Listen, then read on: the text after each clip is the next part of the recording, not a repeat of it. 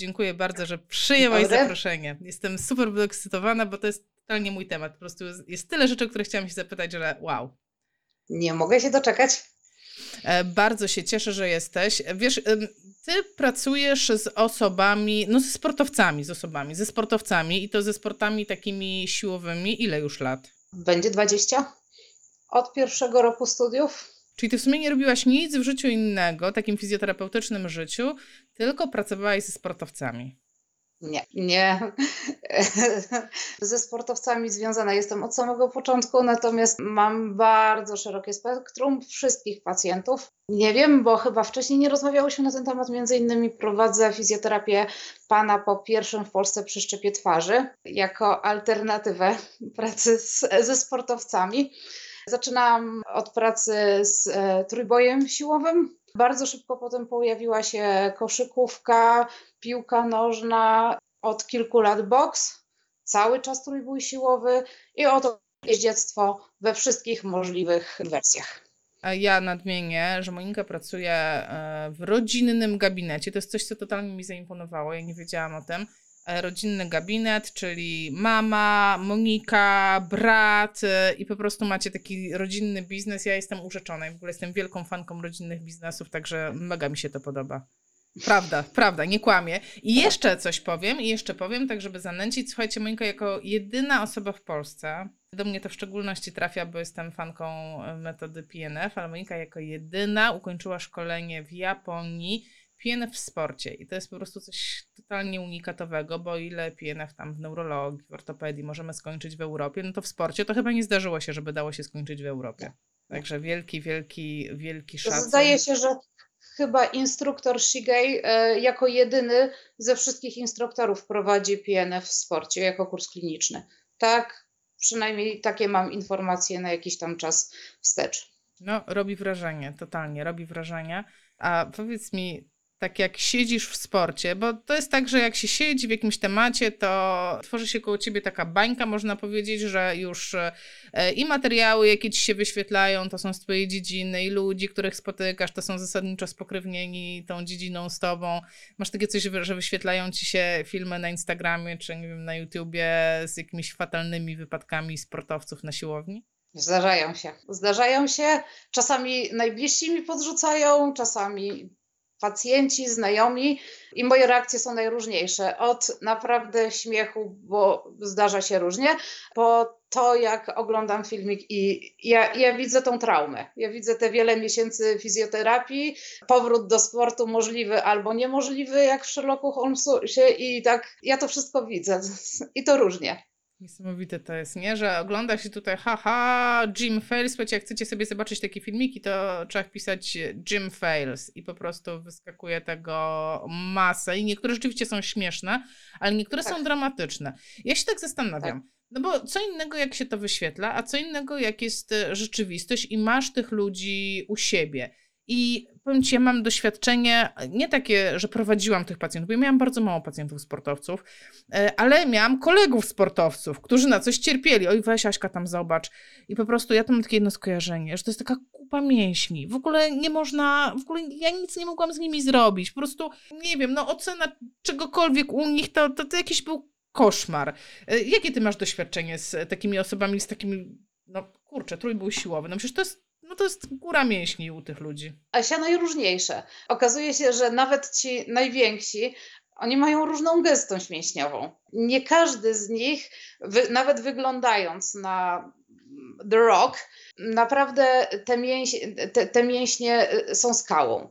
Oni oczywiście są często ogromni, ale u niektórych na przykład palpacja jest przyjemna, bo wszystko sobie mogę dokładnie ocenić, zbadać. Rzeczywiście, ale też im więcej jest różnych problemów, także powięziowych, problemów z zakresem ruchu, tym gorzej dokonać palpacji i dokonać jakiejkolwiek oceny tego pacjenta. Mhm. Właśnie ja jest czymś takim kojarzę takiego pacjenta, że po prostu nabity, chcesz wbić gdzieś tego palca, nawet zbadać ruchomość e, i teraz widzisz, i tutaj już e, z mojej strony może się zacząć tylko i wyłącznie tworzenie, bo ja tylko miałam kolegów, nie miałam pacjentów. A tak jakbyś miała wrzucić do jednego worka te sporty siłowe i tak mniej więcej powiedzieć, dobra, ci pacjenci zazwyczaj mają problemy jakieś tam, to co by to były za problemy? Zacznę od tematu, który w mojej praktyce już się najrzadziej pojawia, bo najszybciej sobie z nim radzę, to stawy kolanowe. Najszybciej sobie radzę. Ale boli, e... czy, czy boli, czy takie, czy właśnie gym fails, że on, bo, bo to, Nie, są, to są ja najwięcej. Boli. Bo... Zazwyczaj boli. Dla wszystkich, mhm. którzy nie oglądali, słuchajcie, muszę powiedzieć, e, takie najgorsze fejle, jakie widziałam na siłowni, to dwa rodzaje. Jeden to taki, że ktoś wyciska na tej maszynie takiej, że leżysz do góry nogami i wyciskasz do góry te, tak, e, to, tą suwnicę, nie? I e, widziałam, że facet sobie popychał kolana i one po prostu przeleciały mu na drugą stronę i ta suwnica go dociążyła, złamała mu kolana. No i drugi rodzaj uszkodzeń w przysiadzie, prawda? Nie wiem, 400 kilo i po prostu strzela mu kolana nie, ja to mam ciarki od razu, już, mi już jest słabo od tego. tak, i dokładnie. I z tych kolan idziemy y, odcinek lędźwiowy kręgosłupa, powięź biodrowa lędźwiowa. Niestety u e, trójboistów połączenie odcinka piersiowego lędźwiowego TH11, 12, L1, L2.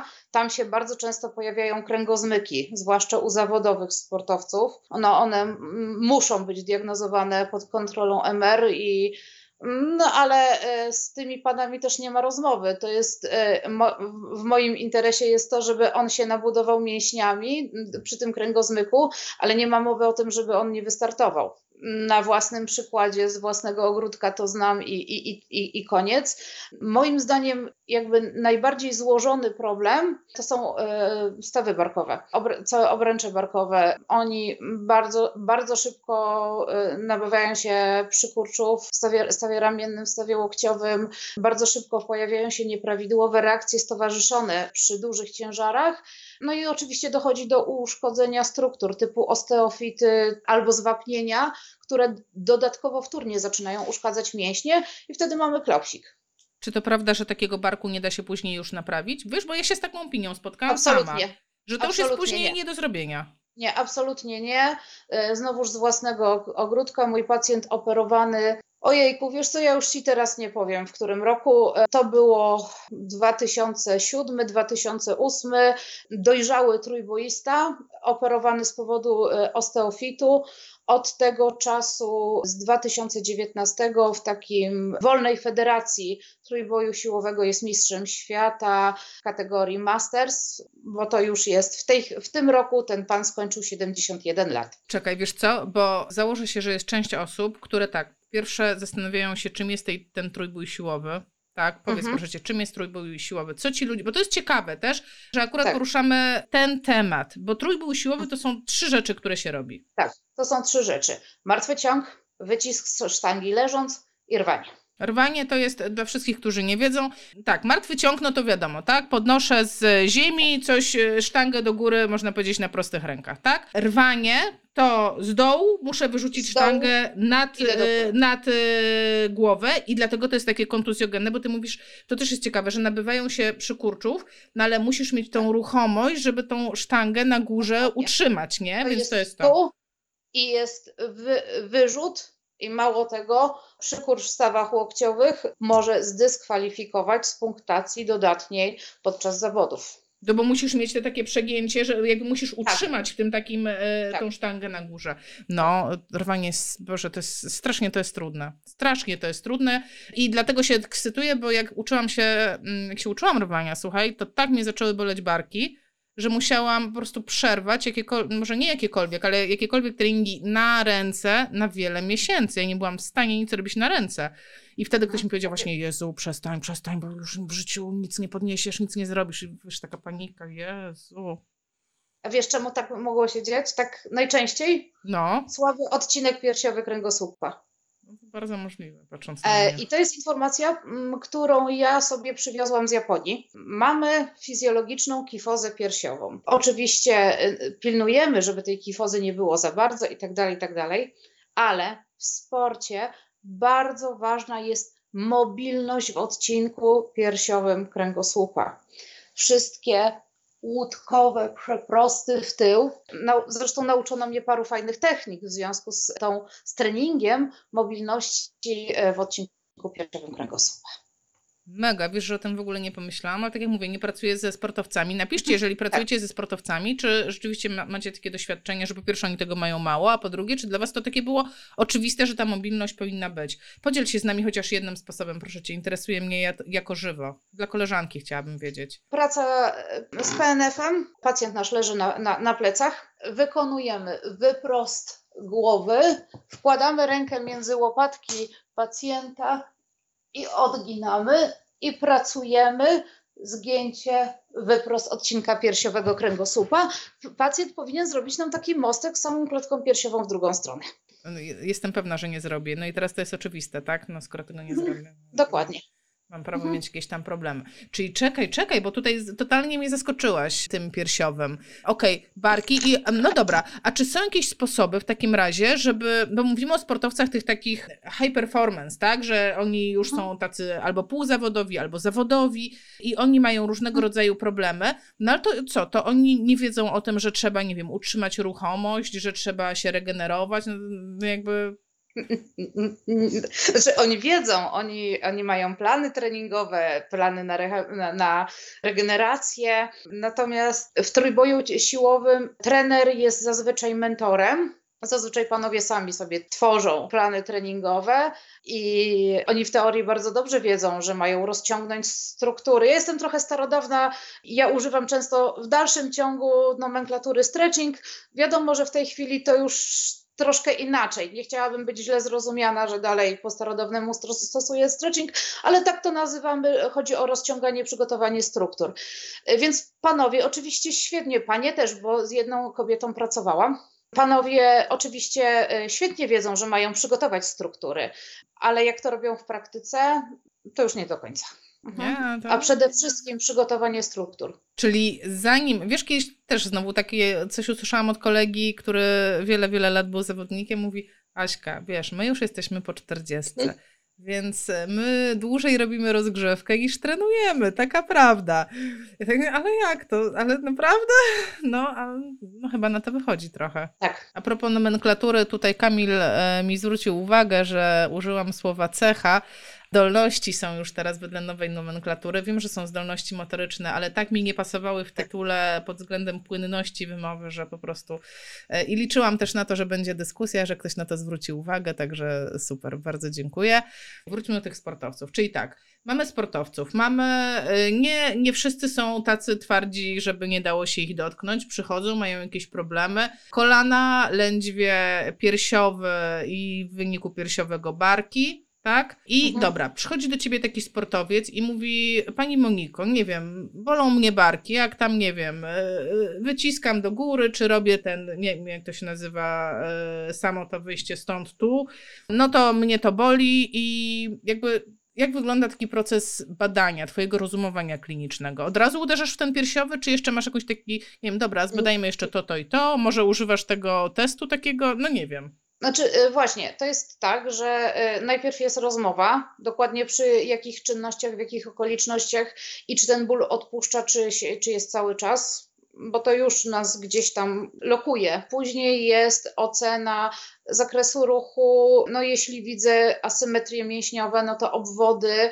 Wiadomo, z siłą mięśniową się nie będę wygłupiać, aczkolwiek chyba ze dwa razy mi się zdarzyło, że ewidentnie była osłabiona siła mięśniowa, więc to już jest hello, mocno nie tak. Idę sobie łańcuszkiem. Zakres ruchu, obwód, siła mięśniowa, okoliczności. E, dochodzę do palpacji, ale nie sprawdzam tylko właśnie kończyny, ale też struktury stowarzyszone. E, odcinek szyjny, odcinek piersiowy, co ja tam widzę. Czasami stawy skroniowo-żuchwowe jeszcze. One też lubią da, da, dawać nam takie promieniujące, dziwne bóle. Wtedy jakby zbieram te wszystkie informacje i mam, i muszę mieć pomysł, czy próbujemy jakby od intensywności tych wszystkich składowych, czy próbujemy sami, czy wysyłam na badanie. Jeśli mam sportowca, który mi konkretnie mówi, że to jest, to jest tak, jeśli widzę coś bardzo, bardzo, a start jest bardzo blisko, staram się ogarniać bez diagnostyki, chyba że widzę, że coś, co, co, co widzę, może dyskwalifikować z zawodów. Ale ja sobie też zdaję sprawę z tego, że to jest ciężka praca tego zawodnika i y, ja swoimi, oni czasami to jest z moimi fantazjami, nie będę dawała pod wątpliwość jego startu. Więc jeśli jest bardzo, a start jest blisko, to wysyłam na, na, na, dalszą diagnostykę. Jeśli start jest blisko, a widzę, że możemy spróbować, podejmujemy próbę. Jeśli na przykład start jest za jakiś czas, czyli mamy około dwóch, trzech miesięcy do startu, do zawodów, do, do, do, do, czegoś tam, albo jest to kontuzja nawracająca, to wtedy proszę, zazwyczaj jest to USG. Ja palpacyjnie, tak jak mówiłyśmy, czasami jest to skała i ja nie jestem w stanie dokładnie określić struktur. Czasami pacjenci na własną rękę wykonują sobie rezonans magnetyczny, bo, bo, bo, bo też można. Natomiast y, akurat w miejscu, gdzie ja mieszkam, gdzie, gdzie y, pracuję, w pobliżu mamy świetnego radiologa, który robi fenomenalne USG. Po prostu jeszcze nigdy nie, spotkało, nie spotkałam się z rozbieżnością tego, co widział radiolog opisujący MR, a tym, co ten doktor widział na USG, więc po prostu szybciej, łatwiej wykonać jest to USG. W następnej kolei, a jeśli mam z kolei bardzo ograniczony zakres ruchu, taki że, że, nie, że nie mam płaszczyzn ruchu, no to też musi iść zdjęcie rentgenowskie, żeby zobaczyć, czy właśnie w kierunku tych osteofitów albo jakiegoś konfliktu mm, barkowego, coś, coś, coś w tym kierunku. Czyli jakby ja, mając tego pacjenta, który przychodzi do mnie pierwszy raz, często to są też powracający pacjenci, prawda? Ale to jest taka, taka strasznie skomplikowany łańcuch, bo no często w te pół godziny w godzinę muszę zebrać wywiad, obejrzeć i jakby już, ja jakby już rozmawiając z tym pacjentem bardzo często domyślam się, jak mocno jest, i na ile trzeba będzie gdzieś zrezygnować z jego planów, albo po prostu się wkomponować w jego plany. Jezu, zapisuję sobie tyle rzeczy. Najpierw muszę poruszyć po prostu, muszę cię o to zapytać, bo wspomniałaś, dobra, USG, rezonans magnetyczny, a no w tej chwili tak podchodzi się ogólnie w fizjoterapii, e, w świecie medycyny do badań obrazowych z taką, powiedziałabym, lekką dozą nieśmiałości i można znaleźć badania, że tam, nie wiem, 100% koszykarzy ma zmiany w rezonansie w stawach barkowych, tam, nie wiem, wiem, 90% e, jakichś tam futbolistów będzie miało tam, nie wiem, zmiany w kolanach. Że to jest tak jakby te zmiany anatomiczne, że jest taka immanentna cecha w ogóle sportowców. Tutaj od ciebie słyszę, wiesz, nie, ja jednak stawiam diagnozę i jednak wysyłam na te badania obrazowe, zazwyczaj ono mi potwierdza to, co już gdzieś tam wcześniej wiemy, to wiesz, no tak zachodzę w głowę. Żeby, e, po, po co ja to robię? Żeby ocenić jak bardzo. Bo jakby domyślam się, że coś będzie, prawda? Natomiast, żeby ocenić jak bardzo, e, bo często słyszę pytanie, że pani, a ja mogę wystartować? Albo tak po prostu, ja uczestniczę, no to jest ten team terapeutyczny, team zawodniczy, ja uczestniczę w tym, żeby pomóc podjąć decyzję, czy ten zawodnik może trenować i może startować. I w momencie, kiedy jakbym przegapiła coś, prawda? I zaopatrzyła tylko pacjenta. Osoby, które oglądają filmiki, widziały, jak no, pacjent pod sztangą na przykład jest odcięty, prawda? Czyli następuje odcięcie, znaczy odcięcie, jest niedostateczna ilość tlenu, pacjent, yy, zawodnik mdleje pod sztangą lub coś takiego. Ja też nieraz to widziałam. Więc jeśli ja mam yy, uszkodzoną strukturę, cho, która chociażby bólowo mogłaby wpłynąć na coś takiego, ja wolę pacjenta poprosić o tą diagnostykę, żeby nie czuć się współodpowiedzialną. Tak po prostu. A jesteś... Bo my tutaj to nie jest tak, że okej, okay, ja nie muszę wysłać na diagnostykę pacjenta, który trenuje amatorsko, chociaż już teraz też te sporty amatorskie i zawodowe naprawdę często bardzo niewiele się różnią. Okej, okay, mogę sobie poradzić sama, bo zakładam, że rzeczywiście struktury są i tak uszkodzone w charakterystyczny dla siebie sposób. Natomiast jeśli ja mam pomóc podjąć konkretną decyzję, to ja muszę mieć oprócz swoich testów funkcjonalnych, badania przedmiotowego, podmiotowego, ja muszę mieć to czarno na białym. A są jakieś takie, takie totalne czerwone flagi, które, nie wiem, będą uniwersalne dla ogólnie sportów, sportów siłowych, które dyskwalifikują e, zawodnika z e, zawodów? To znaczy tak, na przykład y, obręcz barkowa, konflikt barkowy. Jeśli bark jest w, w pozycji konfliktowej, jest za ciasno w stawie, to rzeczywiście może dojść do ucisku e, górnego, znaczy to jest tak, w Polsce mówimy górny otwór klatki piersiowej, wyjście nerwów i naczyń krwionośnych w okolicy e, obręczy barkowej. W nomenklaturze anglojęzycznej mówimy górny dolny otwór klatki piersiowej, ale to już jest już takie dużo, dużo szczególików. Wtedy, wtedy naprawdę może dojść do, nawet do złamania kompresyjnego lub czegoś, czegoś takiego. Zasadniczo jest kręgozmyk przeciwwskazaniem, ale już to omówiliśmy. Natomiast pacjent został poinformowany. Pacjent wie, on wie. Ja nie jestem współodpowiedzialną w tym, że udajemy, że nic nie ma. Jeśli on tak chce, niestety, szczególnie w sportach, tam gdzie jest dużo testosteronu, to często e, moje słowa są sugestią prawda? To testosteron musi przerobić swoje, przemyśleć, omówić i przychodzi do mnie ze, mimo wszystko ze swoją wersją tego, co ja mu zaproponowałam. A spotkałaś się w swojej karierze z takim przypadkiem, gdzie ktoś podjął świadomą decyzję, dobra, to ja z tym kręgozmykiem startuję i rzeczywiście coś złego się wydarzyło? Wśród moich pacjentów nie. Mhm. A tak zastanawiam się jeszcze nad tym kręgosmykiem, no bo jednak te sporty, no przeważnie y, pacjenci, y, sportowcy są zakutani w pasy i to twarde takie pasy, skórzane, po prostu fest. To dlaczego tak. nie mają kręgosmyki? I to jest dokładnie na przejściu, gdzie się pas kończy. Bo przecież pas, on obejmuje odcinek lędźwiowy kręgosłupa. On troszkę powyżej wchodzi na piersiowy i dokładnie na przejściu, tam gdzie się kończy ten pas sztywny, tam dochodzi, tak jakby po prostu te siły przeciążają ten hmm, pas stanowi dźwignię do powstania tego kręgozmyku. No tak, ma to sens. Jeżeli to jest poza, jakby na granicy, no to ma to sens. A wiesz, dostałam kiedyś takie pytanie i szczerze mówiąc nie znam żadnych danych na ten temat dotyczące kobiet i sportów siłowych, no właśnie w tematyce pasa. I to było, wiesz, ja wstawiłam jakąś tam historię na Instagramie, ja zawsze w tym nie, nie zawsze robiłam przysiady w pasie, ale jak już takie cięższe, takie miałam, wiesz, taką swoją, mhm. swoją magiczną granicę. 60 kg, bo wiesz, okay. jak usiądę 55, to nic się nie stanie bez pasa, ale 60, wiesz, w mojej głowie. Tak. Musi tak. być pas. To, wiesz, to taka moja wewnętrzna granica. I dostałam pytanie, wiesz co, Aśka, no ale takie ściskanie się pasem, do tego jeszcze robisz, wiesz, tam się nadymasz, tam po prostu zwiększasz tą tłocznię brzuszną, tak to nazwijmy. Czy to nie szkodzi dnu miednicy? I wiesz co? Ja nie wiem.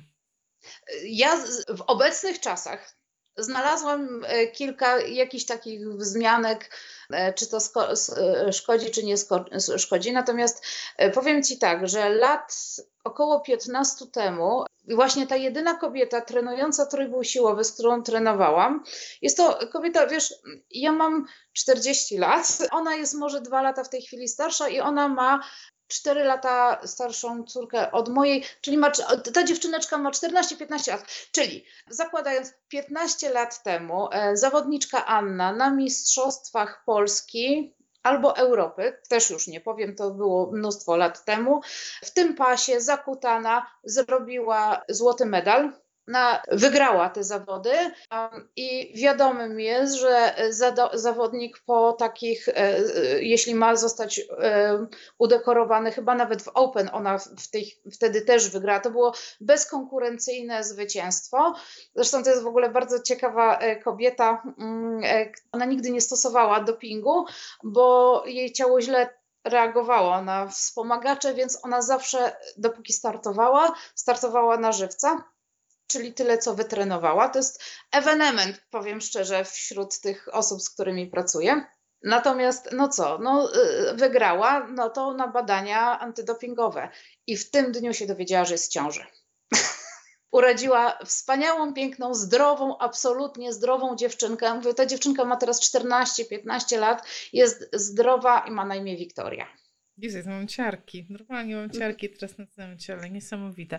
Ale reasumując, normalnie urodziła, normalnie, no tak, takie case study, tak? Wszystko normalnie, nie było problemów.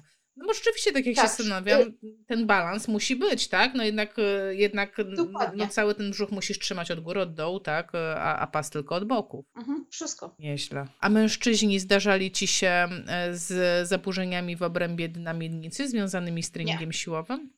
Nie, żaden.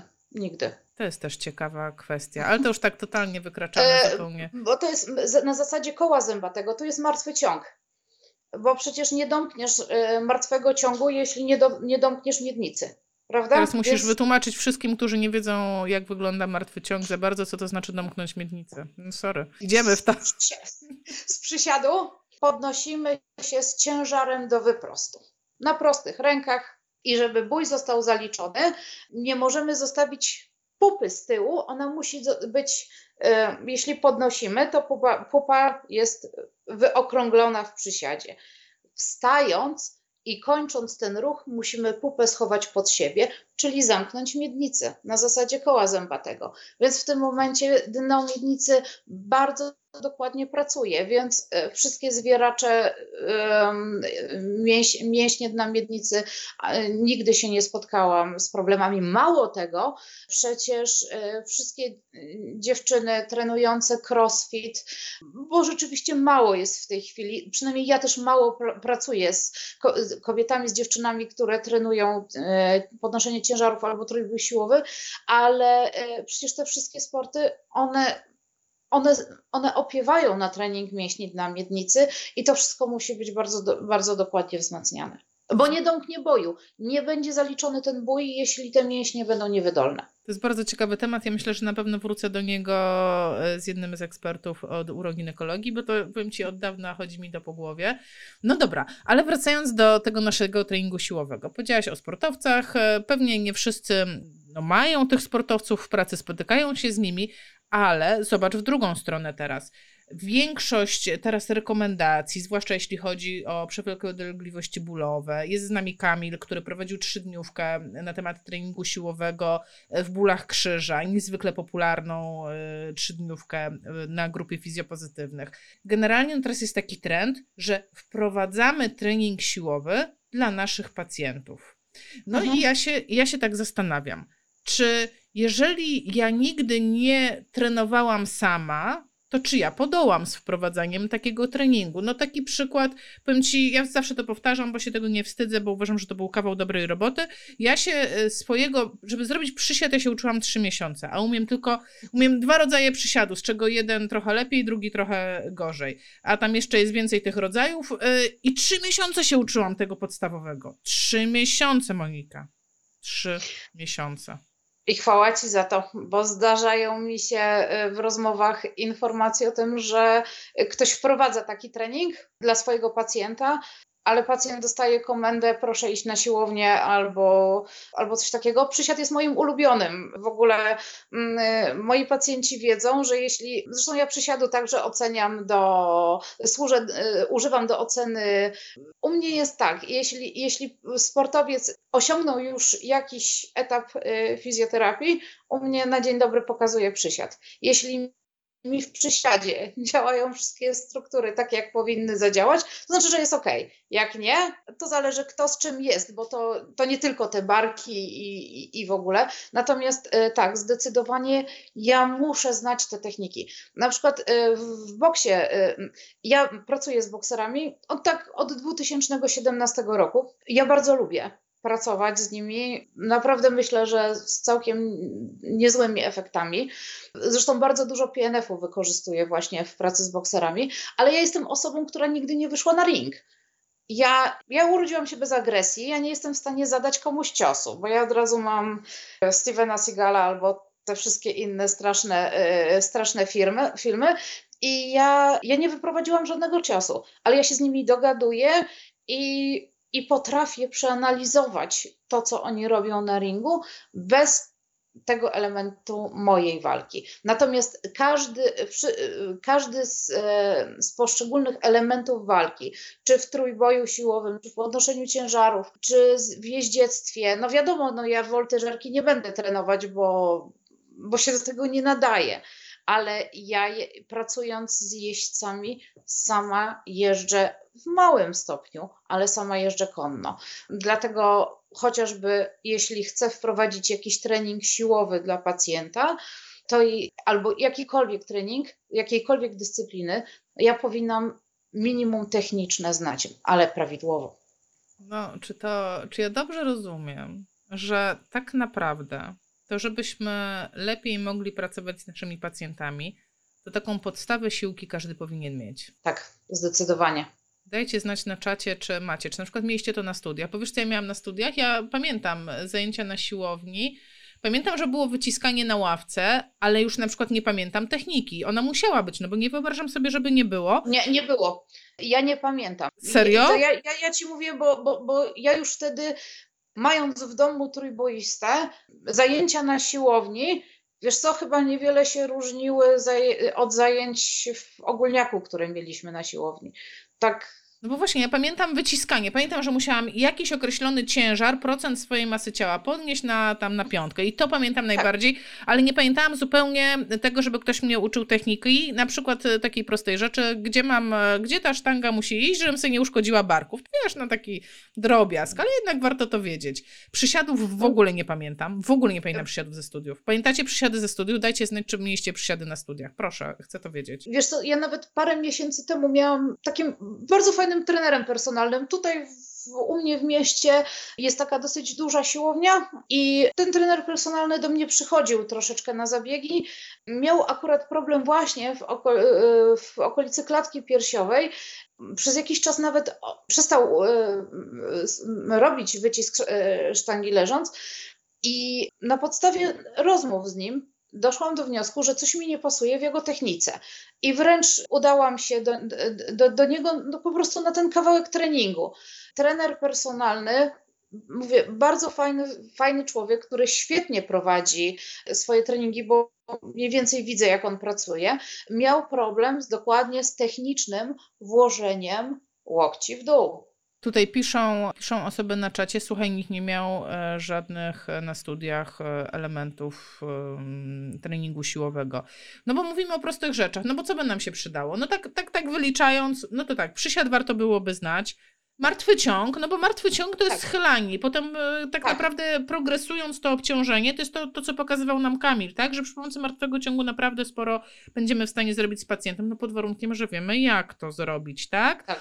E, no A i później to... w drugą stronę właśnie teraz mi się przypomniało, że przecież jak często, przynajmniej ja trafiam na takie strony, gdzie jest napisane absolutnie, albo mi pacjenci przychodzą i mówią, nie, nie, nie, ja martwego ciągu nie będę robić, bo to mi szkodzi na odcinek lędźwiowy. Mm, no wynika to z niewiedzy. Mhm. No tak, no ale no po to edukujemy.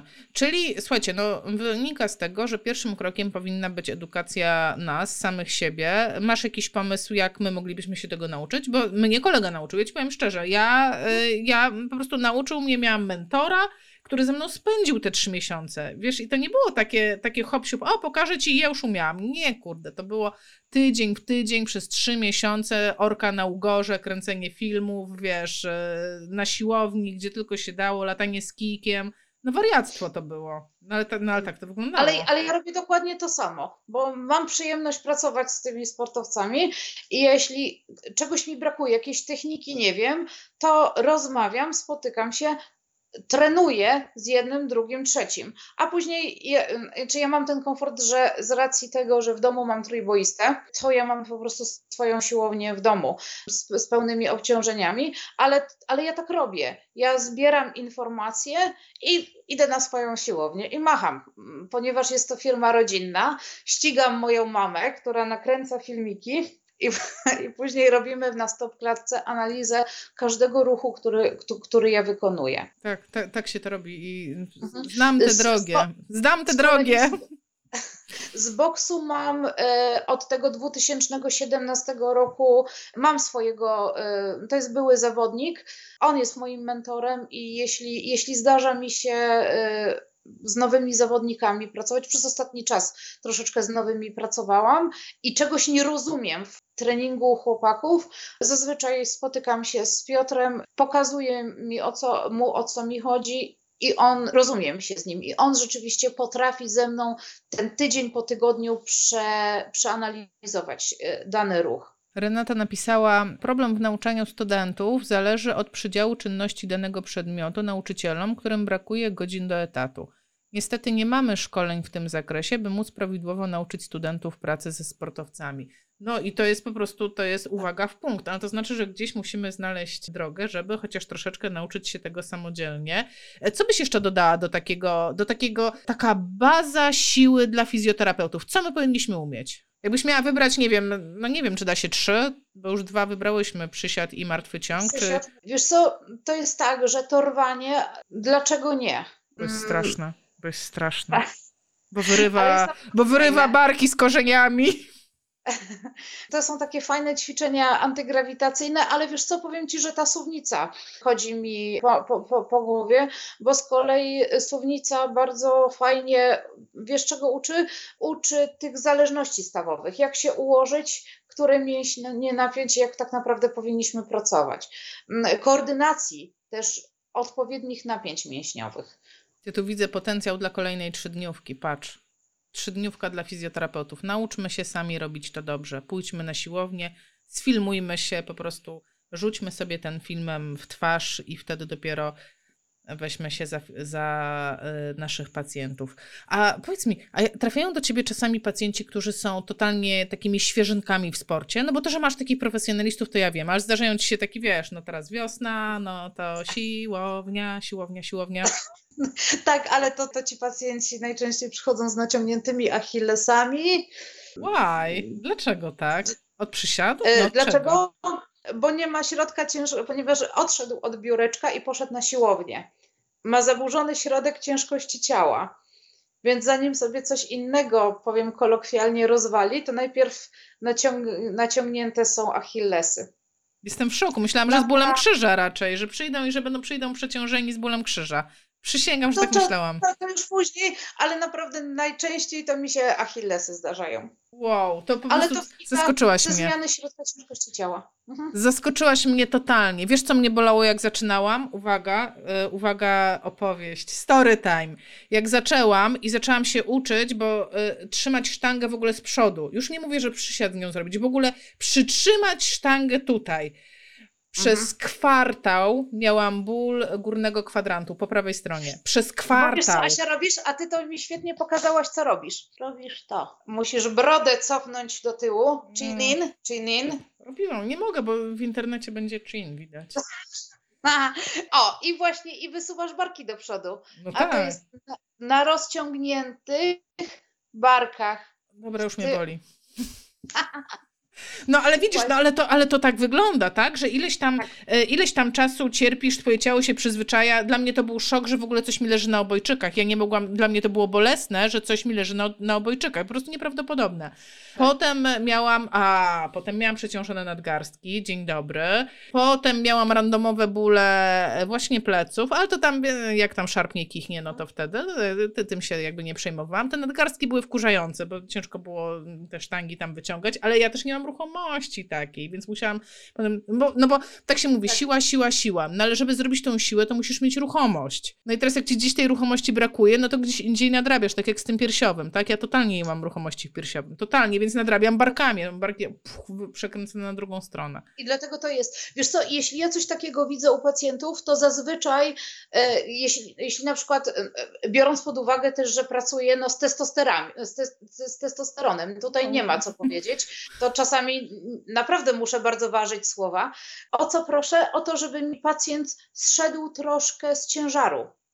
Mhm. E, mm, bo tłumaczymy to do, do samego jakiegoś tam e, planu treningowego, proszę, żeby zszedł z, e, z ciężaru. Czasami to działa. Jest pytanie na czacie, wiesz, zadała Justyna, czy istnieje jakaś literatura, która opisuje prawidłowe wykonanie ćwiczeń siłowych? Co byś poleciła? Bo to jest, to jest świetne pytanie. A mogę lokowanie produktu? Zawsze, dawaj, liczę na to. To się pojawiło bardzo niedawno, widać. Musisz siebie zasłonić, a pokaż, o, jeszcze, jeszcze, jeszcze tak.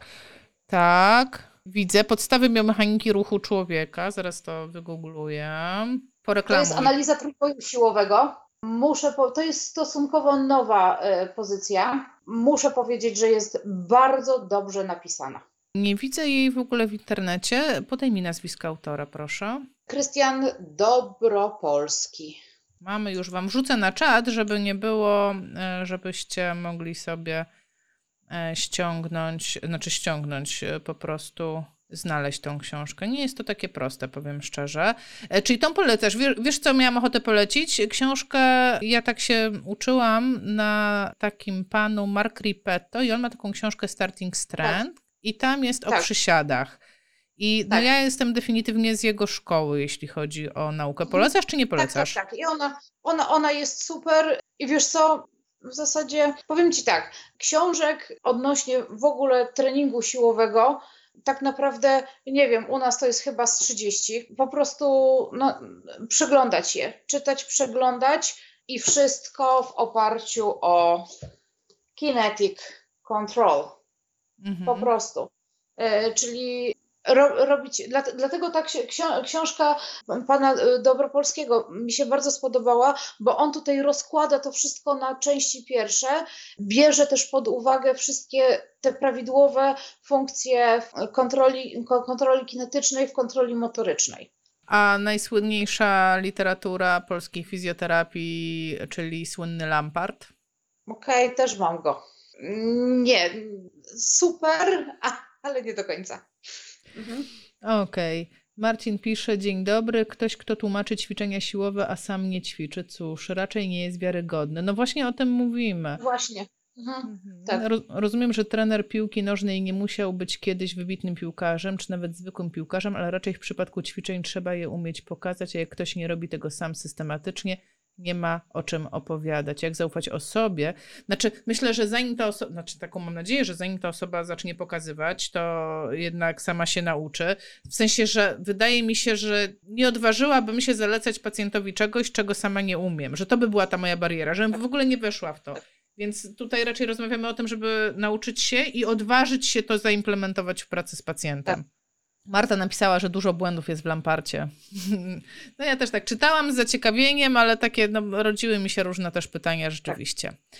E, Okej, okay. czyli mamy tych wczesnych zawodników. Oni, tak jak ty mówisz, oni mają zupełnie inne problemy niż e, zawodowcy tacy prawdziwi, tak? Nie, bo oni e, to są osoby, które naprawdę idą na siłownię, czy chwała im za to, że oni podejmują, podejmują tą rękawicę.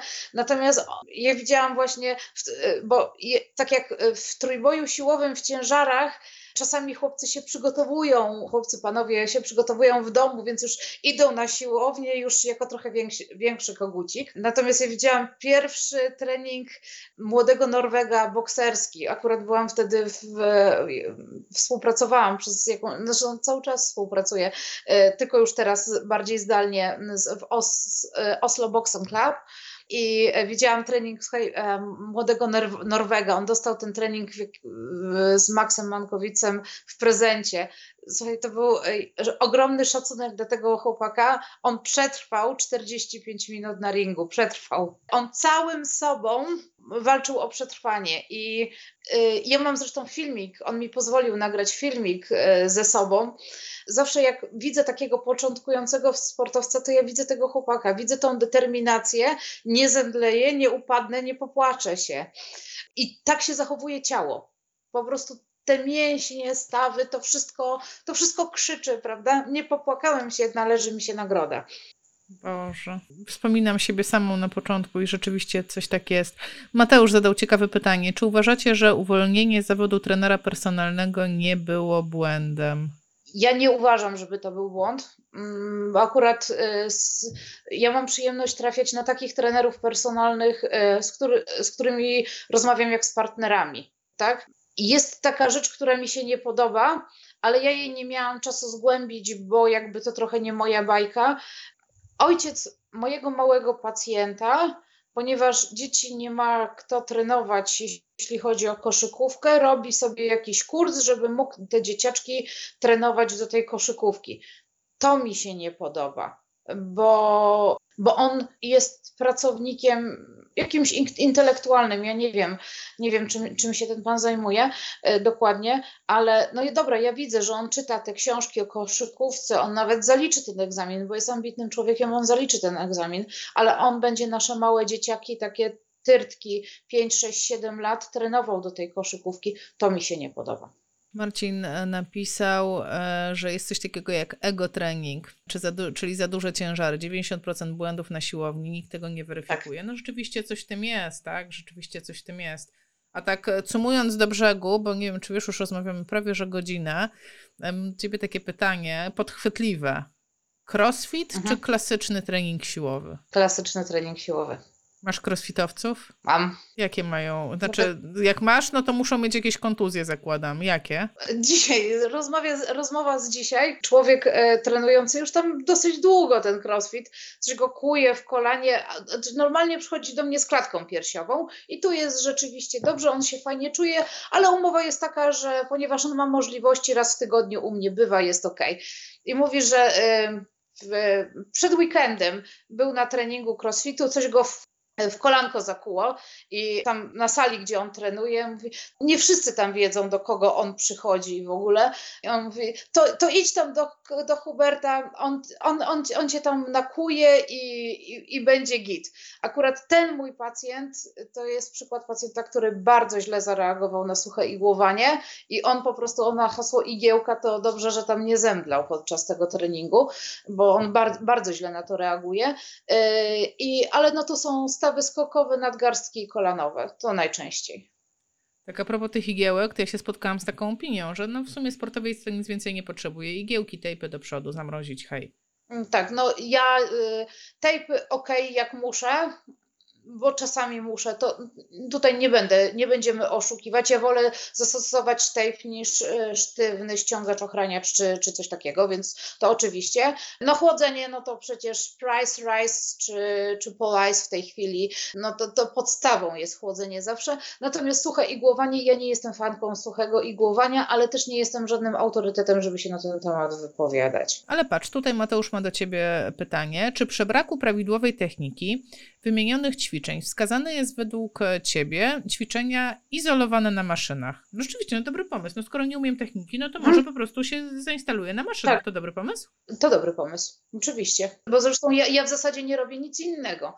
Jeśli mam e, zły ruch, to najpierw sobie robię u siebie w warunkach gabinetowych PNF, bo, bo tutaj najczęściej pracuję PNF. Ja mam, mam też szyny y, Rimeka redresyjną do obręczy barkowej, do kończyny dolnej, więc jeszcze czasami ich, ich używam ale to jest w ogóle już bardzo roz, e, roz, rozległy temat, dlaczego, dlaczego e, stosuje bierny ruch u aktywnego człowieka, ale świetnie właśnie mięśnie zapamiętują te wszystkie łańcuchy kinematyczne. Później wprowadzam ćwiczenia takie bez, bez maszyn, bez, bez niczego dla pacjenta, ale jakby kolejnym etapem jest rzeczywiście izolowane wprowadzenie ruchu na maszynach. Nie mogę się powstrzymać. E, zdarza się coś takiego, że wzmacniasz pacjentów, którzy są już zawodnikami, że znajdujesz coś, y, w cudzysłowie sławę, ogniwo i ich wzmacniasz? Tak, tak, parę miesięcy temu miałam, powiem tak, jeśli chodzi o, o, o trójbój siłowy, to zdecydowanie tak. To zdecydowanie no, taki jest cel, e, lepsze struktury i w ogóle, ale chcę, chcę opowiedzieć o takiej sytuacji, którą miałam parę miesięcy temu z młodym bokserem, który po, kiedyś tam był moim pacjentem, później długo, długo nie korzystał, ale ostatnio się z, z, zjawił i zjawił się z jakąś pierdołą, ale między innymi z kolejny, kolejny raz naruszonym nosem. Pomogłam mu po prostu w regeneracji tego nosa, w, sensie już takie fizjoklasyczne rzeczy typu pole magnetyczne, światłoterapia i w ogóle, ale do brzegu. I, i ja mm, wypuściłam go znowuż na jakiś lekki sparring, on znowuż przyszedł z nosem rozwalonym. Więc już mi się już coś bardzo nie podobało. A dobry zawodnik, roku, taki wysoko rokujący. Ja mówię, ok, ale co się dzieje? Pokaż, jak wyprowadzasz cios. Okazało się, że skądś mu się wzięła naleciałość, że robi pełną zasłonę. A z PNF-u kontrola wzrokowa. Zmieniliśmy tylko ustawienie E, twarzy zmieniliśmy kontrolę wzrokową. Na drugi, ja nie potrafię go zacytować, ale przy drugim spotkaniu powiedział, że jest zajebisty i on teraz wszystkich rozłoży. I rzeczywiście to się bardzo zmieniło.